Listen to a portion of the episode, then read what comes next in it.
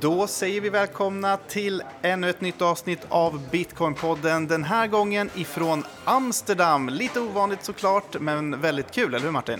Ja, verkligen. Vi sitter här i mediarummet på konferensen. Vi har fått en liten egen våning, eh, kan man säga. Ja, verkligen. Och de har hängt upp, eller det hänger en stor val i mitten av det här rummet. Eh, jag vet inte om de har gjort det specifikt för konferensen, men kul Man kan ju hoppas ändå att de, att de gjorde det. Ja, Eh, och det, det är ju därför man hör lite sorl i bakgrunden. Just för att vi sitter ju i ett ganska stort rum med folk i bakgrunden. Men det gör det också kanske lite mer levande. Ja, det är lite mysigt så. Vi har tillbringat lite tid här på eh, konferensen, gått runt och kollat lite grann, inte hunnit så jättemycket än. Ehm, vad är dina första intryck? Alltså mina första intryck är att, eh, lite samma som när jag var i Miami, att det är fantastiskt kul att bara vara på ett bitcoin-event. Eh, sen är det här bra mycket mindre. Men det, det är ganska förklarligt också. Så det är framförallt en stor huvudscen ehm, och sen är det en liten scen tror jag. Eh, om man jämför med Miami så är det var säkert 20 olika scener. Men de har verkligen hittat en jättebra location. Ehm, och vi har som sagt inte hunnit eh, gå runt så jättemycket än. Men vi, Nej, vi var i utställningshallen och eh, det här är ju en bitcoin-only-konferens, men då sa du fan det är lite shitcoins här ändå alltså. Ja, och så här, man, man får ju ändå förstå att det, det är inte superlätt att bara få Bitcoin Only som utställare för att det är, så många bolag finns ju inte eh, och de behöver ju faktiskt dra in pengar till konferensen. Så att det var ju på de flesta båsen så stod det liksom crypto överallt och inte liksom bitcoin. Då. Så att, och det vad det men, men alla, alla paneler och alla snack och alla gäster som är kommer ju bara prata bitcoin, vilket jag tycker är fantastiskt kul. Ja, och apropå gäster så har vi eh, två stycken härliga gäster som vi ska intervjua idag. Eh, den första är eh, Mike Germano, han är president för Bitcoin Magazine. Ja, precis. Bitcoin Magazine är ju eh, det amerikanska bolaget som anordnar konferensen. Eh, så de gör ju konferensen i Miami och nu den här konferensen i Europa. Eh, och han jobbar ju egentligen med ska man säga, den globala affärsutvecklingen där. Eh, ska bli jätteintressant att prata med honom. Och sen ska vi även prata med Stefan Levera som det. var en av mina första ska man säga, kontaktpunkter inom bitcoin. Han har ju en väldigt stor internationell podcast som heter The Stefan Levera Podcast. Eh, och det var en av dem som jag lyssnade eh, först på eh, när jag verkligen började intressera mig för bitcoin. Så det ska bli jättekul att träffa honom och, och prata med honom om det. Ja, han har varit med länge, väldigt kunnig. Otroligt kunnig, eh, måste jag säga. Och han, jag tror han har gjort tio gånger mer avsnitt än vad vi har gjort av sin podd. Så han, eh, han ligger lite före. Ja, och vi kommer bereda massa plats för de här intervjuerna och därför så ska vi inte ha ett nyhetssegment den här veckan, men det är väl helt okej. Jag tror det är okej. Ja, händer inte jättemycket. Det är lite på EU-nivå och sånt där, men det kommer vi prata om nästa vecka säkert. Och så. Ja. Eh, vi ska också säga det att vi är sponsrade den här veckan av eh, trading-communityt Auger, eller hur? Ja, precis. Om man är intresserad av, eh, av trading eller vill lära sig mer så kan man helt enkelt bli medlem på arger.se där du har väldigt erfarna traders som alltid delar sina trader i realtid. Så då kan man ta rygg på dem. Eh, Och om man skriver in koden Bitcoinpodden när man signar upp så kostar det bara 99 kronor första månaden istället för 899 kronor. Just det, för trader-medlemskapet där. Så gå in på auger.se eh, och använd Bitcoinpodden som kampanjkod helt enkelt. Eh, vi är ju också som vanligt sponsrade av den svenska kryptobörsen Trio. Eh, där kan man köpa både bitcoin, litecoin och ethereum på ett väldigt enkelt och smidigt sätt. Så gå in på trio.se och signa upp där om du inte redan har gjort det. Nu, vet du vad som händer nu Martin? Nu kör vi!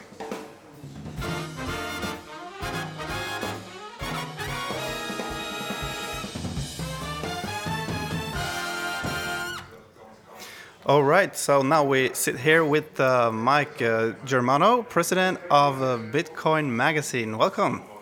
Thank you. Happy to be here. How are you?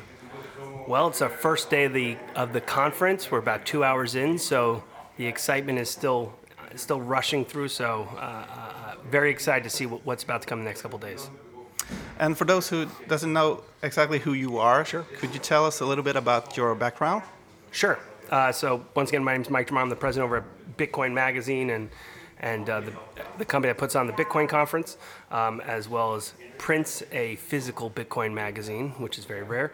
Um, I've been with the company for over two years, known them for many years, obviously. Uh, I was over at Vice Media.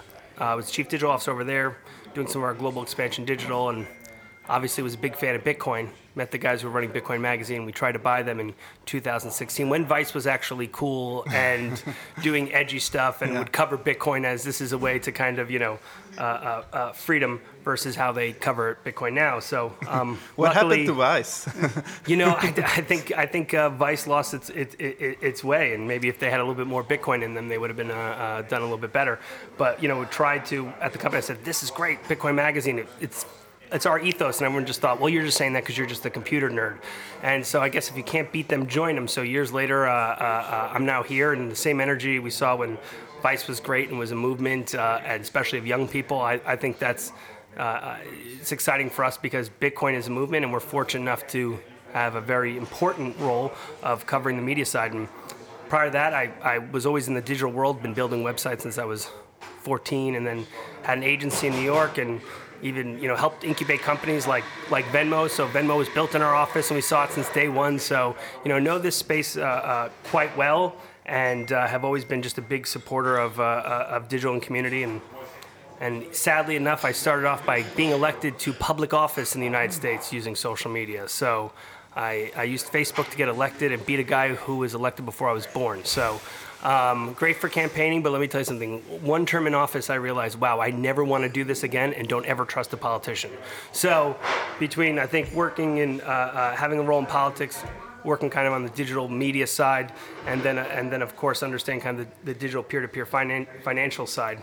Um, I've obviously fallen in love with what Bitcoin can do. I'm a huge freedom of speech advocate. Uh, that's the thing that's most near and dear to me. Um, and obviously, the people at Bitcoin Magazine. Uh, it's a it's a wonderful company with you know really passionate people that are all completely different, but since they love Bitcoin, you know I was kind of I think a little bit retired, and uh, I felt I had to come join this this army and this fight, and, and here I am.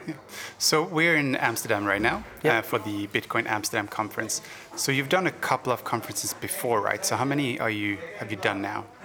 Yeah, so the Bitcoin conferences we fo- that are just Bitcoin conferences. Um, so 2019 uh, was in California.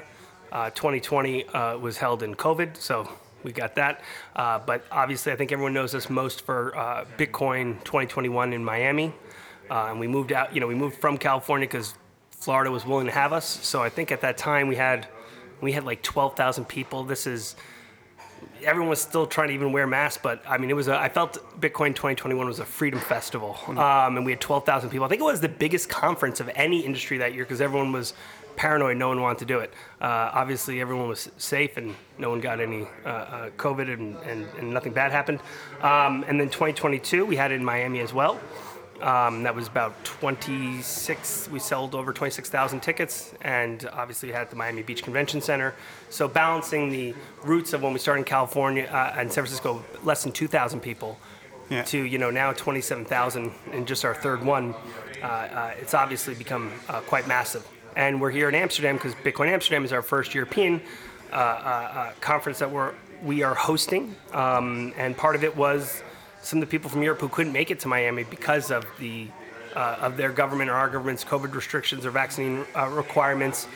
And and obviously, uh, uh, you know, Bitcoin Magazine, we're a global company. We have global readership, and uh, we think it's important. And uh, we were excited to to ex- to expand into into Europe. And Amsterdam f- felt like the the best possible spot. Yeah. And as president, what exactly is your role? What do you do? My role. Well, when you find out what my role is, if you could tell me, that would be that would be helpful. Well, because you know in Sweden we don't really do corporate titles as Yes. much as you do in the US. So Yep. president sounds very fancy. yes. Is it fancy? Would you say?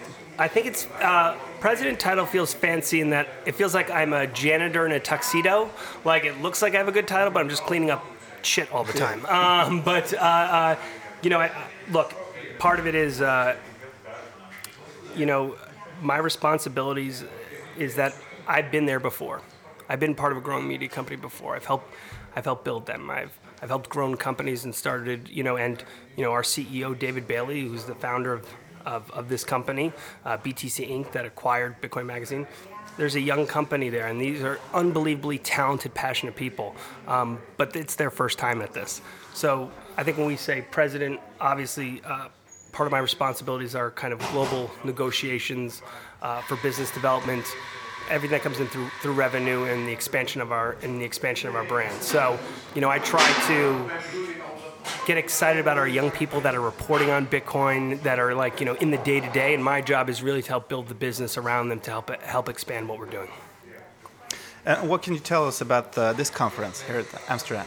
Sure. So, well, what makes this conference, I believe, exciting is, you know, no one owns no one owns Bitcoin. So yes, we're calling it Bitcoin Amsterdam Conference. We're aware. We have Bitcoin Magazine. At least we could trademark the magazine part, right? But you know, someone started Bitcoin conference here in Amsterdam in 2013, right? Amsterdam has is if we think of Amsterdam as a city that not only has an extremely rich history that can talk to us about, you know, everything from banking to trade, but a place that has always embraced the freedom to purchase certain items. And also the first one of the first financial bubbles as well, if you want to go there. Well, we have the tulip bulbs everywhere. We got tulip, and the difference is, where everyone gives says Bitcoin tulip mania. The yeah. difference is when you come to our conference, you will see a beautiful display of tulips that were all grown using energy and heat from miners. So Bitcoin miners use their heat to help you know grow uh, uh, uh, tulips, and those are on dis- proudly on display. Um, but you know, and once again, I think the cities, you know, I mean, orange isn't in their flag, but orange is in the Amsterdam blood here. So you know, I, I Netherlands blood here. So I think it it really called to us. But but truthfully, you know, as our company was looking at expansion, there was a lot of people came to Miami. There's a lot of people trying to do Bitcoin conferences, and we need to be very supportive of that, right? We know that we don't own or control things. Uh, we feel we have a responsibility over at Bitcoin Magazine, um, but you know, we also have a responsibility for the people who are trying to be educated on, on Bitcoin and Bitcoin only. You know, so you know, a lot of times there's conferences that say Bitcoin that do crypto, and it's always a balancing act for us. But you know, uh, this year there was a lot of conferences happening in Europe, and we, we get we're supportive. We try to cover them as much as we can. Um, but you know, for us, we have a very large growing team now. You know, if you're holding a conference of over 30,000, you know, 30,000 people, and 28,000 more people show up in Miami just to go to all side events. And we have a big company now, and we need to think about how do we get the best talent and not just use them, use them once a year, right? So for us, as we think about growth of our schedule, how do we how do we events and how do we have different experiences? So, you you were in Miami, right? Yeah. It was massive. It was uh, wonderful. Right, and we're great. We're happy about it, but we also need an intimate setting, yeah. right? And we can't say to Miami, okay, we're only selling three thousand tickets. No. But you know, we came here because um, you know, a couple reasons. One was there was a couple Bitcoiners that wanted us to come here, and they stalked us, and they said we have, and they and they had this location. They said you have to come. Mm-hmm. And the second we came to this campus and we looked around, we said, "Wow, we, we, we have to be here." So for the people who came can't be here today, can we expect uh, another conference next year? Well, that is a great question. One for the people can't be here today. We do live stream as much as we possibly can, which you can follow on Bitcoin Magazine Live, and we have all of our, uh, you know, we have our live desk and reporting on it. Um, in terms of where we will be doing our next event, the exciting things are those are always in, always in discussion. Yeah.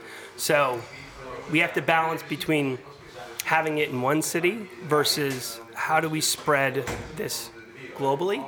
And you know, as we uh, look at all of our options, you know, there's a lot of cities that have asked us to come. Um, so obviously the success of Miami, you know, we when before we had our Bitcoin conference there, no one was thinking of Florida or crypto or anything, and the mayors and everyone like really embraced this.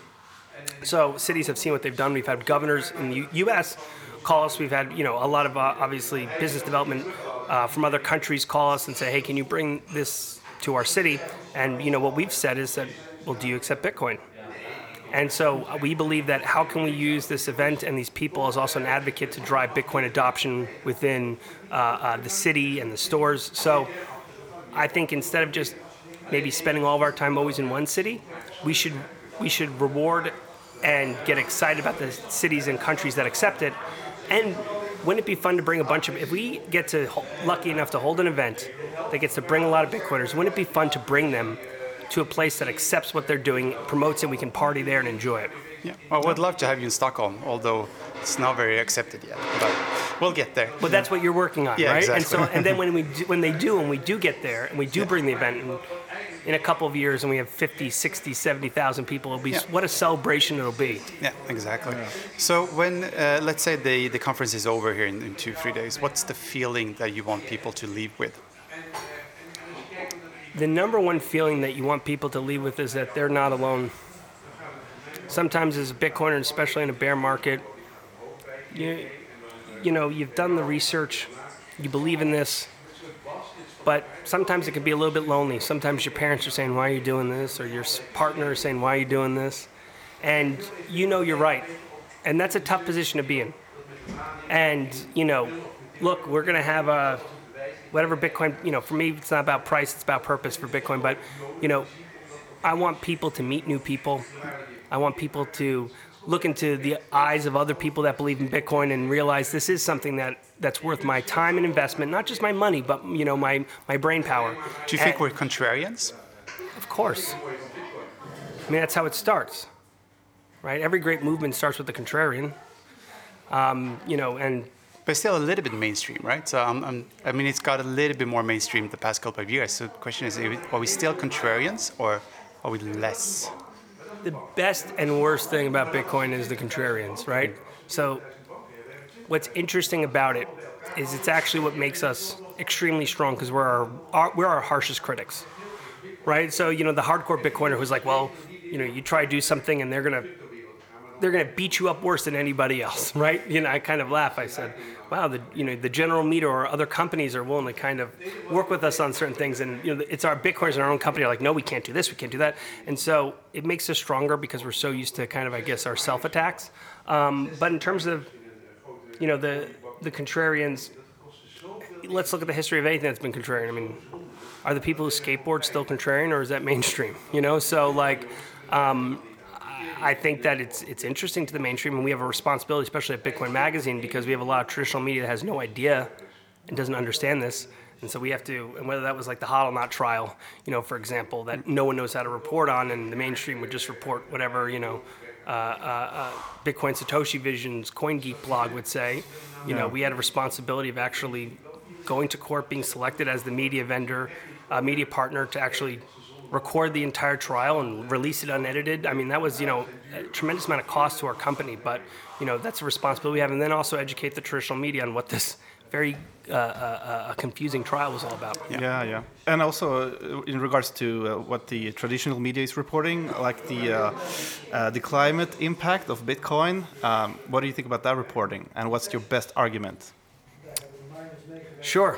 Um, well, when you're asking about how the media is reporting on Bitcoin, I'm thinking in terms of climate, you're referring to the energy use. Yeah, the Bitcoin energy mining. use and the effect that that has on the uh, climate. Yeah. So one, I think that in general, media has had a tremendous failure in how they've reported to people that we've all seen over the last couple of years. And everyone keeps telling me the science. Well, they told me the science about the vaccines and that would never hurt, and that was wrong. They told me science about COVID. They told me science about so many things. I'm not a any type of climate denier or anything else like that. What I don't want is I don't want people using excuses to tell me what I can and can't do with my electric use. And to be truthful, the climate, uh, the argument about Bitcoin mining the energy is simply based so that other um, groups and, and, and organizations can attack Bitcoin. So unfortunately, I take it's hard to take even listen to this because they're just using this to attack. They're saying, "Oh, just change to Ethereum, proof of stake. Look how easy it is." Okay, WEF. You know, like I mean, I think WEF is the enemy. You know, I'm, i want to be very like you know, WEF is the enemy and the part World of our Economic job. Forum for for those who don't. Sorry, yeah, yeah. World Economic Forum. We like to call it FEW. Mm. Um, but you know, they. Uh, uh, uh, uh you know, this is this kind of this this global control of what people can do. Uh, I'm, I'm quite concerned of it. And I think that luckily, Bitcoin being made of contrarians, they're the ones who want to an- analyze this. And once again, I'm looking at you know, my job at Bitcoin Magazine is if I can show examples of truth and not just the media putting a spin on something, right? Because once again, if the truth is that we are using so much energy that we're going to destroy the world, then that's something we, we should report on, right? But the truth is also that all these companies are using renewable renewable energy, that they are finding such efficient ways to make energy, that they're saving the Texas energy grid, right? That they're finding unique ways to use it, that the innovation that's going to happen from Bitcoin mining is what's going to push the energy grid better in developing countries and in, and in other countries. Well, then that's something we can show, and I can show it visually. So then I don't have to, then the people can make up their own mind. If I show them the truth, I show them facts, then they'd have to make up their own mind instead of a reporter who just wants to say climate change because they want you to buy some shitty token. Yep. Yeah. Uh, we're going to wrap this up, uh, but final question: what, what can we expect in uh, of the Bitcoin 2023 in Miami? Oof, Bitcoin 2023 in Miami. What can you expect? Well, you can expect probably a absolutely massive conference with even more exciting things, in tr- and more importantly, taking care of the culture of the event and the people, giving people something to rally around as maybe the price might be kind of you know as we all we all analyze what we think is going to happen with the price but really connecting with people who make this all possible and advocating for all the companies in the space that are building. Look bear markets are when people build and there's our job is to support that connect that promote that um, and it's going to be it's going to be quite exciting. This is kind of where the loyalists come out and uh, i think this is where where you're going to start to see some lifelong bitcoiners uh, made. So we're very excited about miami um, we hope you will you will all be there but i'm more excited about when we come to stockholm Yeah. right? In whatever year that is Yeah. right? We'll do that together and then we'll announce it on stage right? You guys will open up for us you know like we did here uh, with satoshi radio. So i think that you know look our i want to leave with like uh, not just bitcoin conference which is exciting that's when we get to all get together but the responsibility of bitcoin magazine how we report day to day how we're working on translations of all of our content to multiple languages and how we're trying to find advocates in every country because we all know bitcoin is a global language and it's our job just to translate it and connect as many people as we can so any of those listeners out there that that, that want to help us on that journey please check uh, check what we're doing out and uh, you know we want to go find passionate bitcoiners all over the world If uh, people at home wants the wants to sign up for the printed version of Bitcoin Magazine, Yes. do you ship to Sweden? Great question.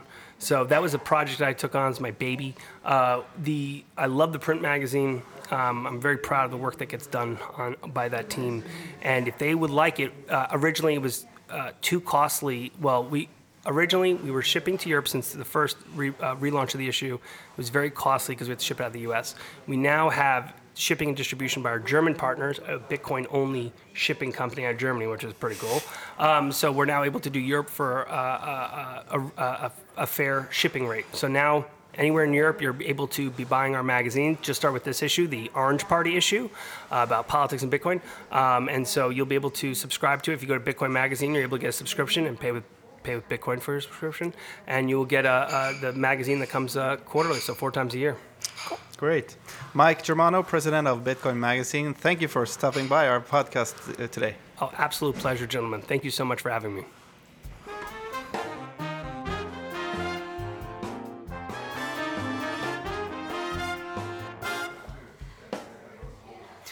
So now we're sitting here with uh, Stefan Livera. Hello. Hey guys, thanks for having me. How are you doing? I'm doing well. Amsterdam has been a new experience for me. I'm, you know, never been to Amsterdam before, and uh, you know, the conference here has been great so far. What I've seen, and just the chances to chat with people and you know, meet listeners and just meet Bitcoiners all, all around. Yeah. And I have to say, it's, it's really an honor to have you on our podcast because when I went, when I started going down rabbit hole, your podcast was one of the first that I listened to. Uh, so it's really great to have you here and, and having you on my podcast now. So yeah, uh, turning the tables on me. yeah, So uh, you're from Australia, right? We can hear on the accent. Yeah. and Martin, you have actually lived and studied and worked in Australia as well, and you guys have actually met one time. yes, I told uh, Stefan this uh, before we um, And now the We listeners want to hear it. Well, basically, yeah. Well, I mean, I think most of the listeners knew already, but I lived for five years in, in Australia. I was studying and I was uh, working um, the last two years in, in, in Sydney. And I went to Stefan's uh, Bitcoin meetup that you had with some other guys with. Um, uh, John Pratt and Hass McCook and, Hash a few Mays people. McCook, yeah. A- And that was one of the reasons why I, together with a friend, also started the, the Stockholm uh, Bitcoin meetup. So, um, so yeah, so you've uh, inspired me in many ways.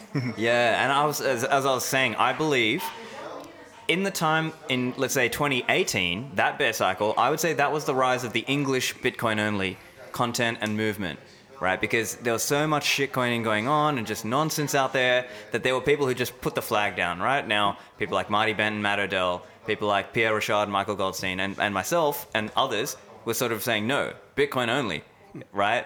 Whether we were explicitly doing that or in how we covered it in content. Now, I believe this time around in 2022, this bear cycle, we're seeing the rise of non-English Bitcoin content, and I'm, I'm, I'm here to see it. You know, I want I want this to happen, right? We need. There's so many people out there who don't speak English, or maybe it's not as as accessible for them, and they need Bitcoin only Yeah. um, messaging and content out there to help them guide them.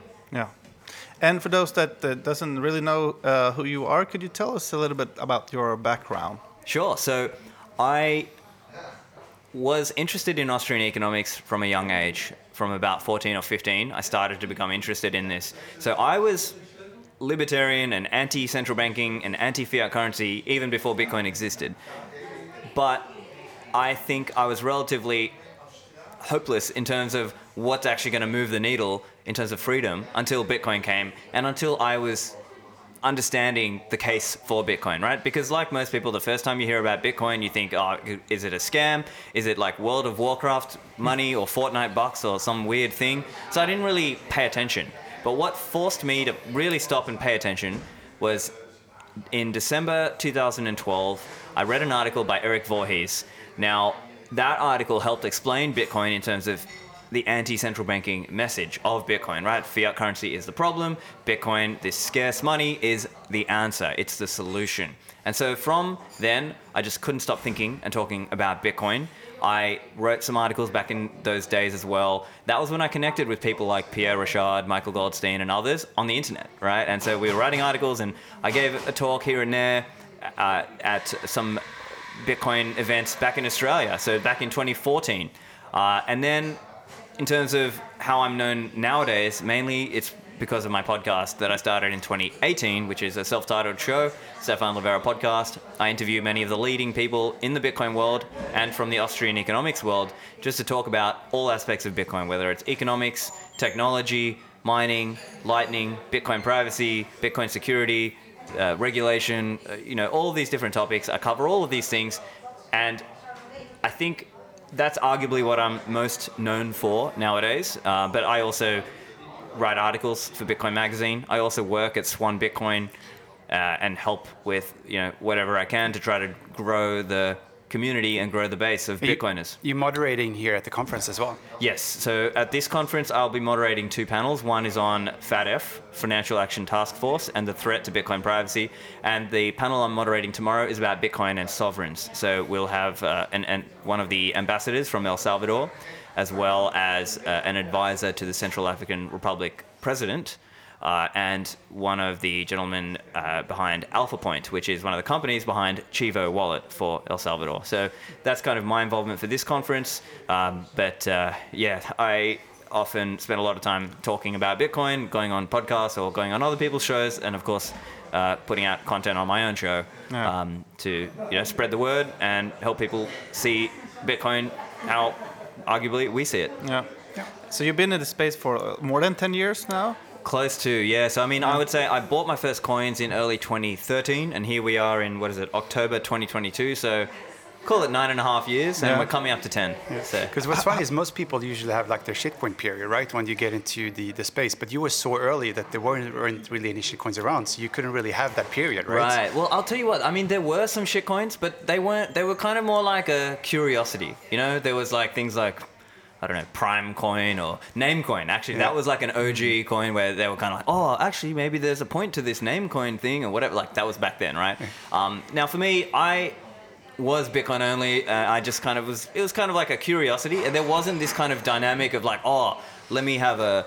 You know, in the 2017 cycle, it was ICOs, and in the recent cycle, it was all the DeFi and the NFTs and all these different ways of pumping things and trying to. You know, it just wasn't a thing. Now, to be clear, there were scams. There were Bitcoin-denominated scams back then, right? There were scams in terms of mining. There were infamous scams in terms of exchanges back in those days, or exchanges going under, or rug pulls happening with custodial wallets. I mean, certainly there were scams, but I think nowadays the scamming, a lot of it has gone into you know this altcoin um, uh, world, and so yeah, there were altcoins, but they just weren't that prominent. You know, there was Litecoin, I think. There was you know PP Coin and Namecoin, Color and coin. yeah, these, these different. You know, they were there, but they just the culture around it wasn't the same thing.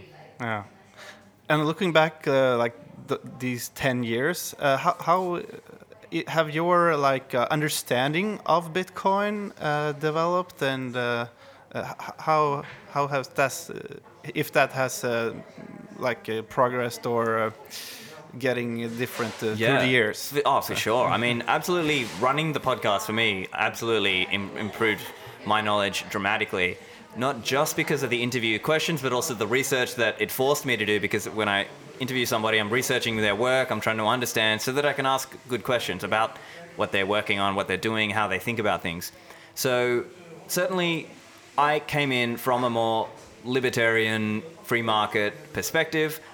I would say I was a tech savvy guy. I'm not a developer, but because I was tech savvy, I was sort of familiar enough that I could try to figure things out and you know uh, learn. But you know, it's the the level of knowledge that I have today. Obviously, after years and years of study and talking to people, talking to the right people, and reading and listening and learning, it's just so much further. Not that I'm some, you know, I don't hold myself out as some big expert or whatever. Really, my job is to interview people. That's primarily what I'm known for. My job is to ask good questions, try and interview people who have interesting or educational viewpoints about Bitcoin. So that's how I see my role. Uh, and you also work for an American company called Swan Bitcoin. Yes. Do you want to tell us a little bit about that? Yeah, sure. So Swan is trying to make it easy for people to buy Bitcoin and learn about Bitcoin. So Swan takes Bitcoin education seriously, and that's actually one of the pillars of Swan is to put out all this content, educational material. We have things like Swan Canon, which is various rabbit holes of material. So, for example, there's Matt Odell's privacy rabbit hole. There's Jameson Lopp's security rabbit hole. I've got a rabbit hole, which is more of a broad generalist sort of view. Uh, and so that's one example. There are free books, such as Yan Pritzker's book. Um, but yeah, Swan has a range of services. Some of them are for high net worth individuals, Swan Private. So they have a, a concierge, a person who they can call. There's also uh, various platforms coming out. So, for example, there's the Swan Advisor platform to make it easy for advisors, financial advisors, to have a Bitcoin only place to send people. So is it like an educational company that happens to sell Bitcoin? In a way, yeah, because we sort of see it like a lot of Bitcoin education is also what helps people build their conviction and their knowledge. And then that also leads to them buying more and actually being able to hold because they have a better information and understanding what this is. They're not seeing it as much like it's a gamble, they're seeing it more like, oh, this is uh, a way of saving for the long term.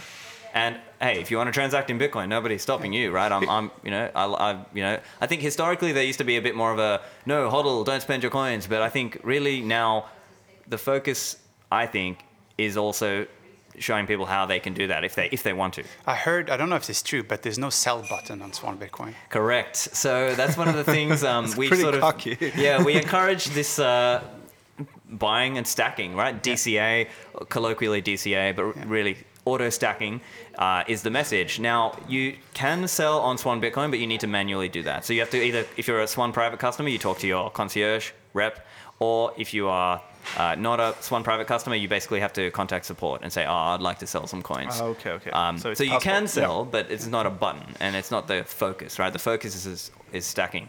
Yeah. So, so what's on the roadmap going forward? I saw there was an announcement recently that you acquired Specter, which is a wallet, a Bitcoin wallet. Yes, so Specter Desktop is a great desktop wallet that you can use to do either single signature or multi signature for more advanced security setups. It was actually started as a project around how to use your Specter DIY hardware wallet. So this is like your own, making your own hardware wallet out of community parts that are available. So the idea we can think of it like a vertical integration because then it's it's there to provide this way as let's say a user, a newbie, a new coiner, a pre-coiner can come to Swan, buy Bitcoin with Swan, and then also learn how to hold their own coins. And with Specter Desktop, you are using your own full node. So you can either package, you can use the packaged full node inside a Specter desktop, or of course, if you're running on um, one of those Raspberry Pis or on another node, you can um, call out to that node. So, for example, people can be running Umbrel, RaspiBlitz, and you know all of those different um, the flavors. You know, run Citadel, Start Nine. Um, embassies uh, one uh, Nodl. Uh, so th- yeah, basically you can call out to your own Bitcoin node. So there's different trade-offs around that, uh, but the idea then is that you can hook it all up together. Now, importantly, Specter Desktop is going to remain FOSS, free open source sof- software. That's an important thing in the Bitcoin ethos, and so Corey, the CEO of Swan, uh, and the team were quite sure about that, that they want to maintain this FOSS ethos and trying to contribute in the community. All right. So what's your role at Swan Bitcoin? So for me, uh, technically, I'm the managing director of international. So I'm sort of focused on how we can grow things uh, internationally. Obviously, uh, outside of America, I, but uh, I'm also very focused on things like content inside of Swan. So things like you know writing articles, um, maybe helping out with webinars, um, you know helping out even with our upcoming conference. We've got Pacific Bitcoin, so that's going to be over in LA, uh, November 10th and 11th. So that's going to be uh, a, a, a good uh, West Coast event, you know, Bitcoin only, obviously, as Swan is, and trying to, you know, put put fun and education together about Bitcoin. And so I'm, I'm really looking forward to that. Um, and then, yeah, there's a bunch of other initiatives and things that Swan runs and does. So, for example, bitcoinerjobs.com. So, for people who are looking for a Bitcoin job, and it's not just jobs with Swan, it's a- any Bitcoin only So it's company. remote jobs. Yeah, some of them are remote, some of them are in person, um, and then there's Bitcoiner events as well. So that's also this idea of promoting events and meetup groups and conferences uh, all around the world. Also, so there's a bunch of things. Um, there's even education, like so, for example, there's Swan Studios now where they're working on a bunch of, they're producing some shows. So, for example, there's Hard Money with Natalie Brunell. Um, so yeah, I mean it's a, it's a range. There's a lot of things going on at Swan, um, but I would summarize it as basically learn about Bitcoin, buy Bitcoin. That's that's really what. Where are where yeah. are you uh, head- headquarters? Uh, So Swan technically doesn't have a. I mean, it's like it's a remote company, but I would say some of the, like for example, some of the staff and people are based around the LA area. So Corey's there. You know, some of the some of the guys are based around in LA, but you know, it's it, it's increasingly a remote company. Yeah. how's California in regards to uh, regulations and uh, you know being pro Bitcoin? Right. Yeah. I mean, look, some of this is it's not looking great. Um, so we, I, but I also believe that's part of why growing our numbers, growing our base is important. Like growing our base to actually get people to help defend Bitcoin and actually promote Bitcoin. And that's actually part of the message with Swan also. So Corey has this blog post um, that he wrote back in the early days of Swan talking about the first, you know, building 10 million Bitcoiners, as in not just kind of people who hold a small amount of Bitcoin, but people who will actually go and promote and advocate for Bitcoin because they hold it, they believe in it, they they are sold on the vision of the bright orange future, right? This idea that, you know, that uh, the, the world living under a Bitcoin standard or operating in a more Bitcoin native way is going to solve at least a fair amount of the problems that we are facing today in the fiat currency society. So basically a, a circular economy for 10 million people. Well, yeah, that's one idea, and also that they are willing to sort of publicly put down the flag, right? That they are willing to like because if you yeah, because if they're outspoken about this, if you know, and that doesn't just mean like political lobbying, although it could be part of it. Like you know, they may be willing to vote on this basis. They may um, apply pressure in certain aspects that way, but also just growing the movement. Like they are just they they are trying to be an intransigent minority of people who help uh, really push the movement forward. And so I think that's that's in a way that's the focus. So if you have a, a, a simple Swedish pleb listening to this, what can that person do for that moment movement, would you say? Well, that's a good question. So I would say look at look where there are gaps in the market now and try to fill them. So, you know, I- as an example, if they if that means helping translate some of the best English content into other languages, that's one way. It could be if you're a developer, you could help with coding. You, if you are a designer, you could help with design work. If you are, uh, you, even if you're just an interested user of different software, you can use it and provide feedback to that developer or the team. There, there are often Telegram chat rooms or GitHub comments or issues that you can log, and these are ways that you can be an open source contributor. Uh, whether that's, and it doesn't have to be coding, right? So, because I think a lot of people think, oh, I'm not a coder, therefore I'm not going to do. No, actually, there's so many ways you can contribute. You could be a meetup organizer, right? Like yourself, you could organize a meetup in your local city. You could organize um, ways to help onboard your friends and family. You could be the Uncle Jim running the Bitcoin node or the infrastructure for them. You could, uh, you could, yeah, do all kinds of things that help promote and advance the movement because I understand, like, not everybody is part of the movement per se. Some people just neutrally use the tool, and that's fine. but there are other people who consider themselves an advocate, a promoter, an educator, a developer, a builder. They're doing something in this space. And so, I, what I would say is look at what's not already being done well and try to fill that gap. Whether that's a business need, whether it's a community need, try to find something that you can do to progressively move this forward. So, you know, for some people, that's podcasting like you guys are doing, whether it's writing articles, whether it's, you know, helping normalize Bitcoin in the eyes of the masses, I think that's what will realistically move the movement forward in terms of growing adoption and uh, advancing the technology also. Yeah. Yeah, you know, it's uh, we we were kind of hoping we have Stefan Livera on the podcast as well today. No, uh, we have Stefan. You mean Oh, Alex. I'm sorry. I'm, I'm sorry. Uh, I'm Alex Gladstein. Alex Gladstein. Sorry. Uh, and uh, you have a, had an interesting question for him. Maybe you could ask uh, Stefan that as well. yeah, so so um, one of the things that so uh, Alex Gladstein always talk about this financial privilege, right? Uh, Yeah. People usually don't see the reason or, or a reason for Bitcoin because they have a financial privilege. Uh, living in a Nordic country as we do, we have probably the biggest financial privilege. We have a really good banking system. I'm doing air quotes here Yeah, now. yeah. Uh, we have a high trust in government, also air quotes here. Uh, so for in Sweden, it's mostly a, a speculative tool, right? Uh, so would you have any uh, thinking around how people can see it differently than and when you have a financial privilege, not just see it as a speculative tool? Yeah, that's a hard question. I'll tell you what. Like, for some people, I've I've commented before as well that I think for some people it's sad, but I think they will have to learn by pain, right? Like, it's not it's not what we want for them. We would like them to see the point of Bitcoin. Like the Canadians did with Yeah. the trucker uh, yeah, movement. that's an example. You know, I think for, for a lot of people, you know, you're trying to help who you can, right? You can sort of think of it like it's a triage situation, right? Maybe you're you're you're walking around and you're kind of like, can I save? Th- can I help this person or can I not? Okay, well, let me spend my time on the one who I think can be saved, right? I think it's it's unfortunately it's a little bit like that, um, uh, but over time. I think everyone will be here with us. They'll be joining us in the Bitcoin world sooner or later. It's just a matter of time, and it's a matter of seeing how quickly the fiat currency forces uh, and how badly the fiat inflation situation gets, how bad the CBDC and let's say PayPal and other fintech situation gets. Because realistically, we are moving into that kind of world where obviously, so the news recently is that PayPal came out saying you know, we uh, we've adopted, we've changed our acceptable use policy, and if you apparently contribute money to somebody doing misinformation, we might fine you two thousand five hundred dollars. Of course, there was a big uproar on social media, and PayPal walked it back this Yeah. time. It's a temporary reprieve, right? But we know it's coming, right? Because they just keep putting up flags, they keep putting up uh, little trial balloons to see what people will accept, and if people don't push back, then that's the future.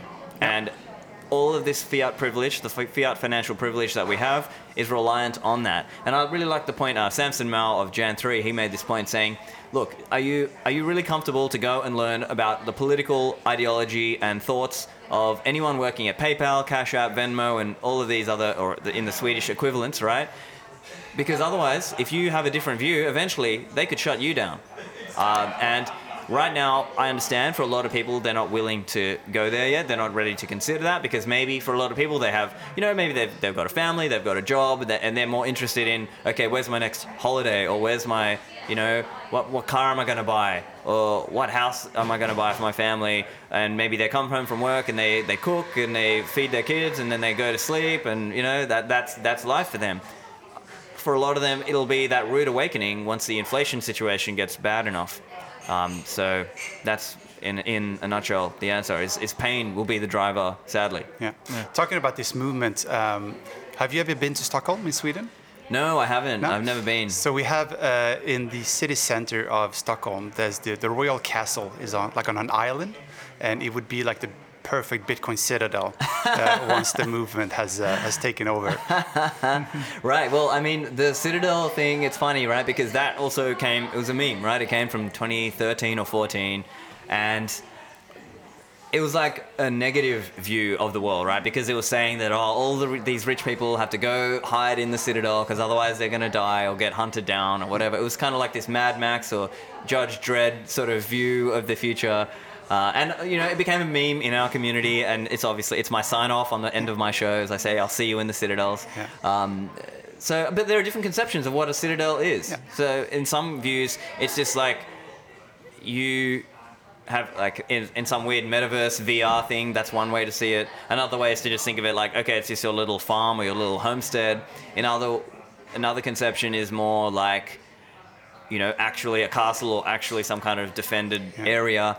Uh, and then there are others who say, no, that's really bad from an OPSEC point of view. You're going to create more issues than you solve by doing that. And actually, maybe it's better to sort of be in the place where you are and everyone just use bitcoin in the place where you are and not really you know have this and it's kind of more like a secret society of bitcoin people like so there's different views on what bitcoin is and what way it goes because there are some people who let's say are more let's say bullish on this idea that it's going to be mass adopted whereas others believe no it's never going to be like that or it should not be like that and it'll just remain as this little niche thing now obviously i'm more on the side of i believe whether we like it or not we're going to see a lot of people come because I'm, I'm subscribing more to that, let's say, the hard money thesis, Yeah. right? This idea that, like, the Saifedean uh, Ammous Bitcoin standard view, which is it's going to the hardest money. More and more people are going to find out. Now, it'll take, it may take time to get there. We can't predict. We don't have a crystal ball, but So you're saying it's pretty binary. It's either worth nothing or it's worth everything.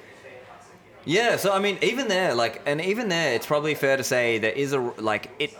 It may. It doesn't have to be that way. Like you could make an argument that it just it serves as as this, uh, as my friend Saifedean says, this monetary vigilante role. That it's kind of there in the shadows, kind of keeping governments in check. Because if they print too much, then people will just run for Bitcoin. So it may it may sort of it may be in that role too. So we don't we don't really know where the future goes, but I I think the likely case, the likely scenario is that yes, the world adopts Bitcoin. It's just that we don't know how long that time frame will be. So that's why it's I think it's also important to get people to understand it's not a quick win. It's not get rich quick, and I understand a lot of people come in maybe people come in thinking that or some influencer let's say or some kind of crypto person was sort of saying yeah get rich quick da da da whatever you know? And nowadays a lot of them are shilling random altcoins for that reason. Um, so you know. Do you consider yourself a Bitcoin maximalist?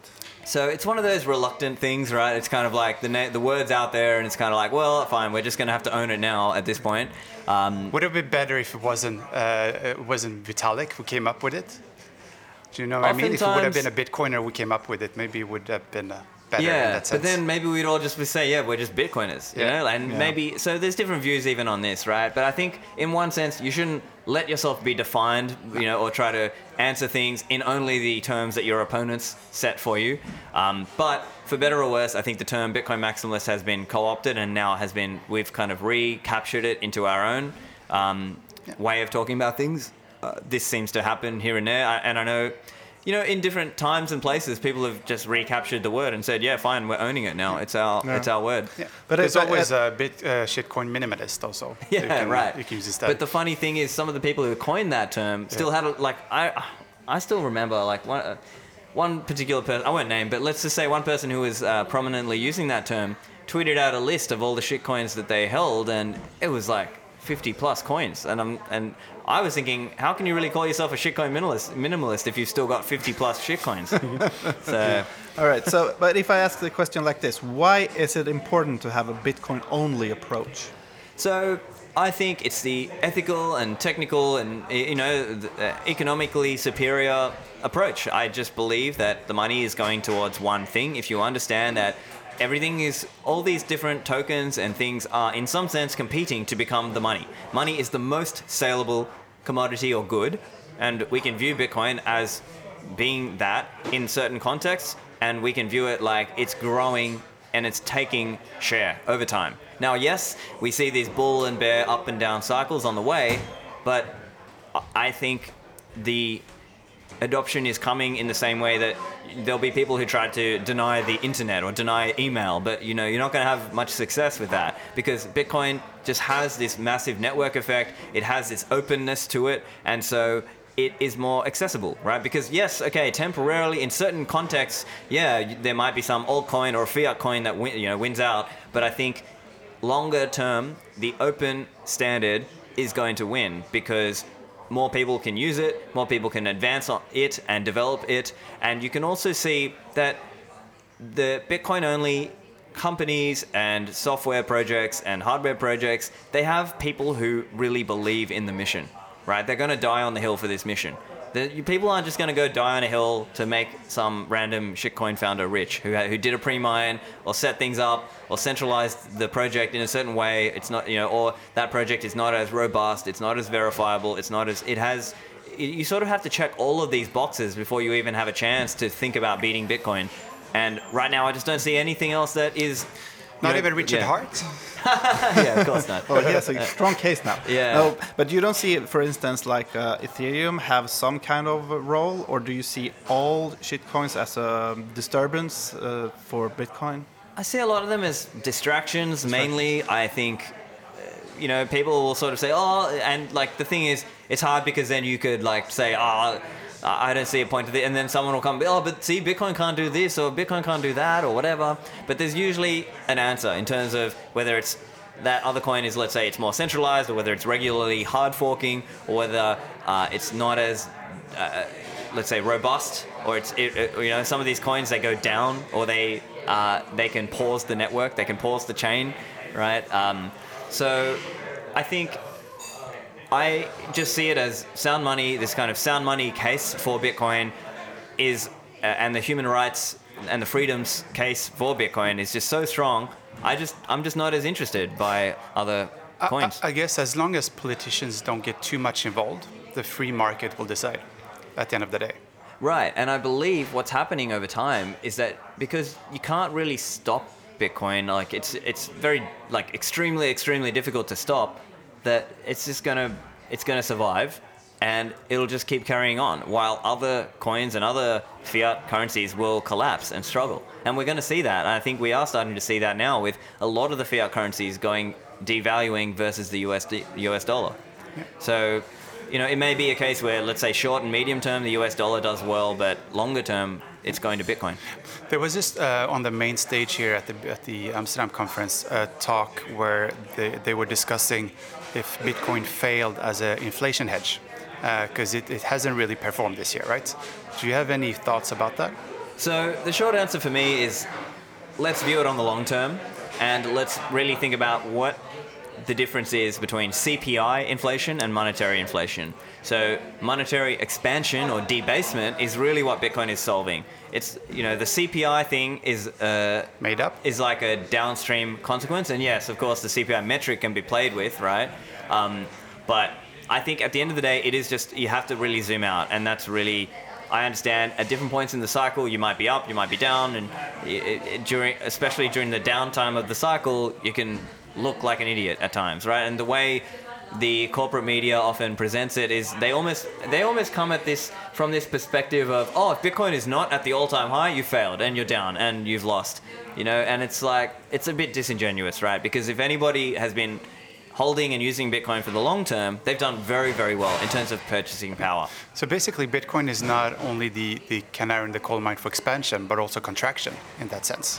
I think so. So, an interesting analogy. Now, this is from a year, few years back, and you know, Trace Mayer has since been cancelled, but he had an interesting analogy, right? Wimble, So- Wimble coin, what was it? Wim, so- Wimble, yeah, Wimble he coin. was promoting some random coin. I don't know, um, but he had a good analogy. He was saying Bitcoin is like a rubber ducky in the bathtub, and if the water in the bathtub is going down, the rubber ducky is still staying on top of it.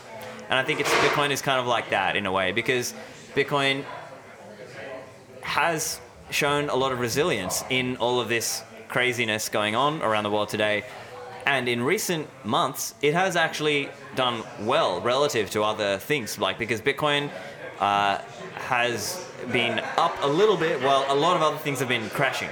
So, you know, you could take from that what you will.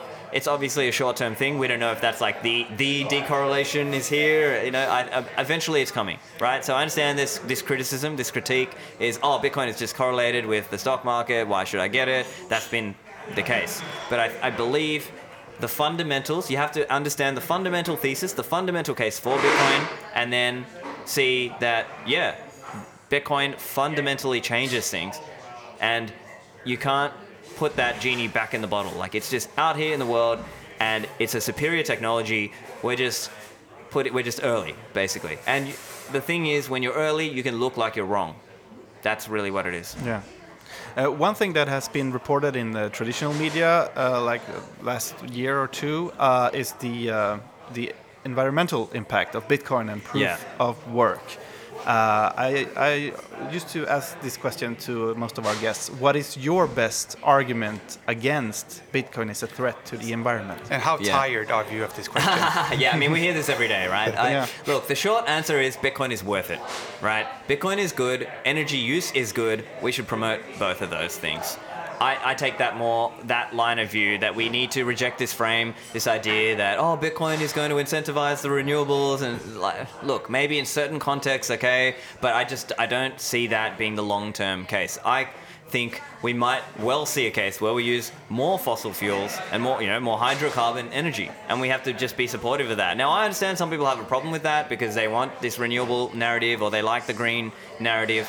I don't. I think it's harmful. I think it's destructive. I think it takes time and reading and learning to understand why that's the case, though. So I understand for somebody who's just watching the news or they don't really, they sort of hear the propaganda and they haven't really thought to question that. So they they hear green. Oh, it sounds good. Oh, it must be good. Green is good, Yeah, right? Proof of stake. Yeah, right. And so that's what's happening for a lot of people. They don't stop and think, wait, we need cheap, reliable, scalable, right? Like that's kind of a more Alex Epstein. So I guess in a sense, I'm, I'm following more of an Alex Epstein framing on this.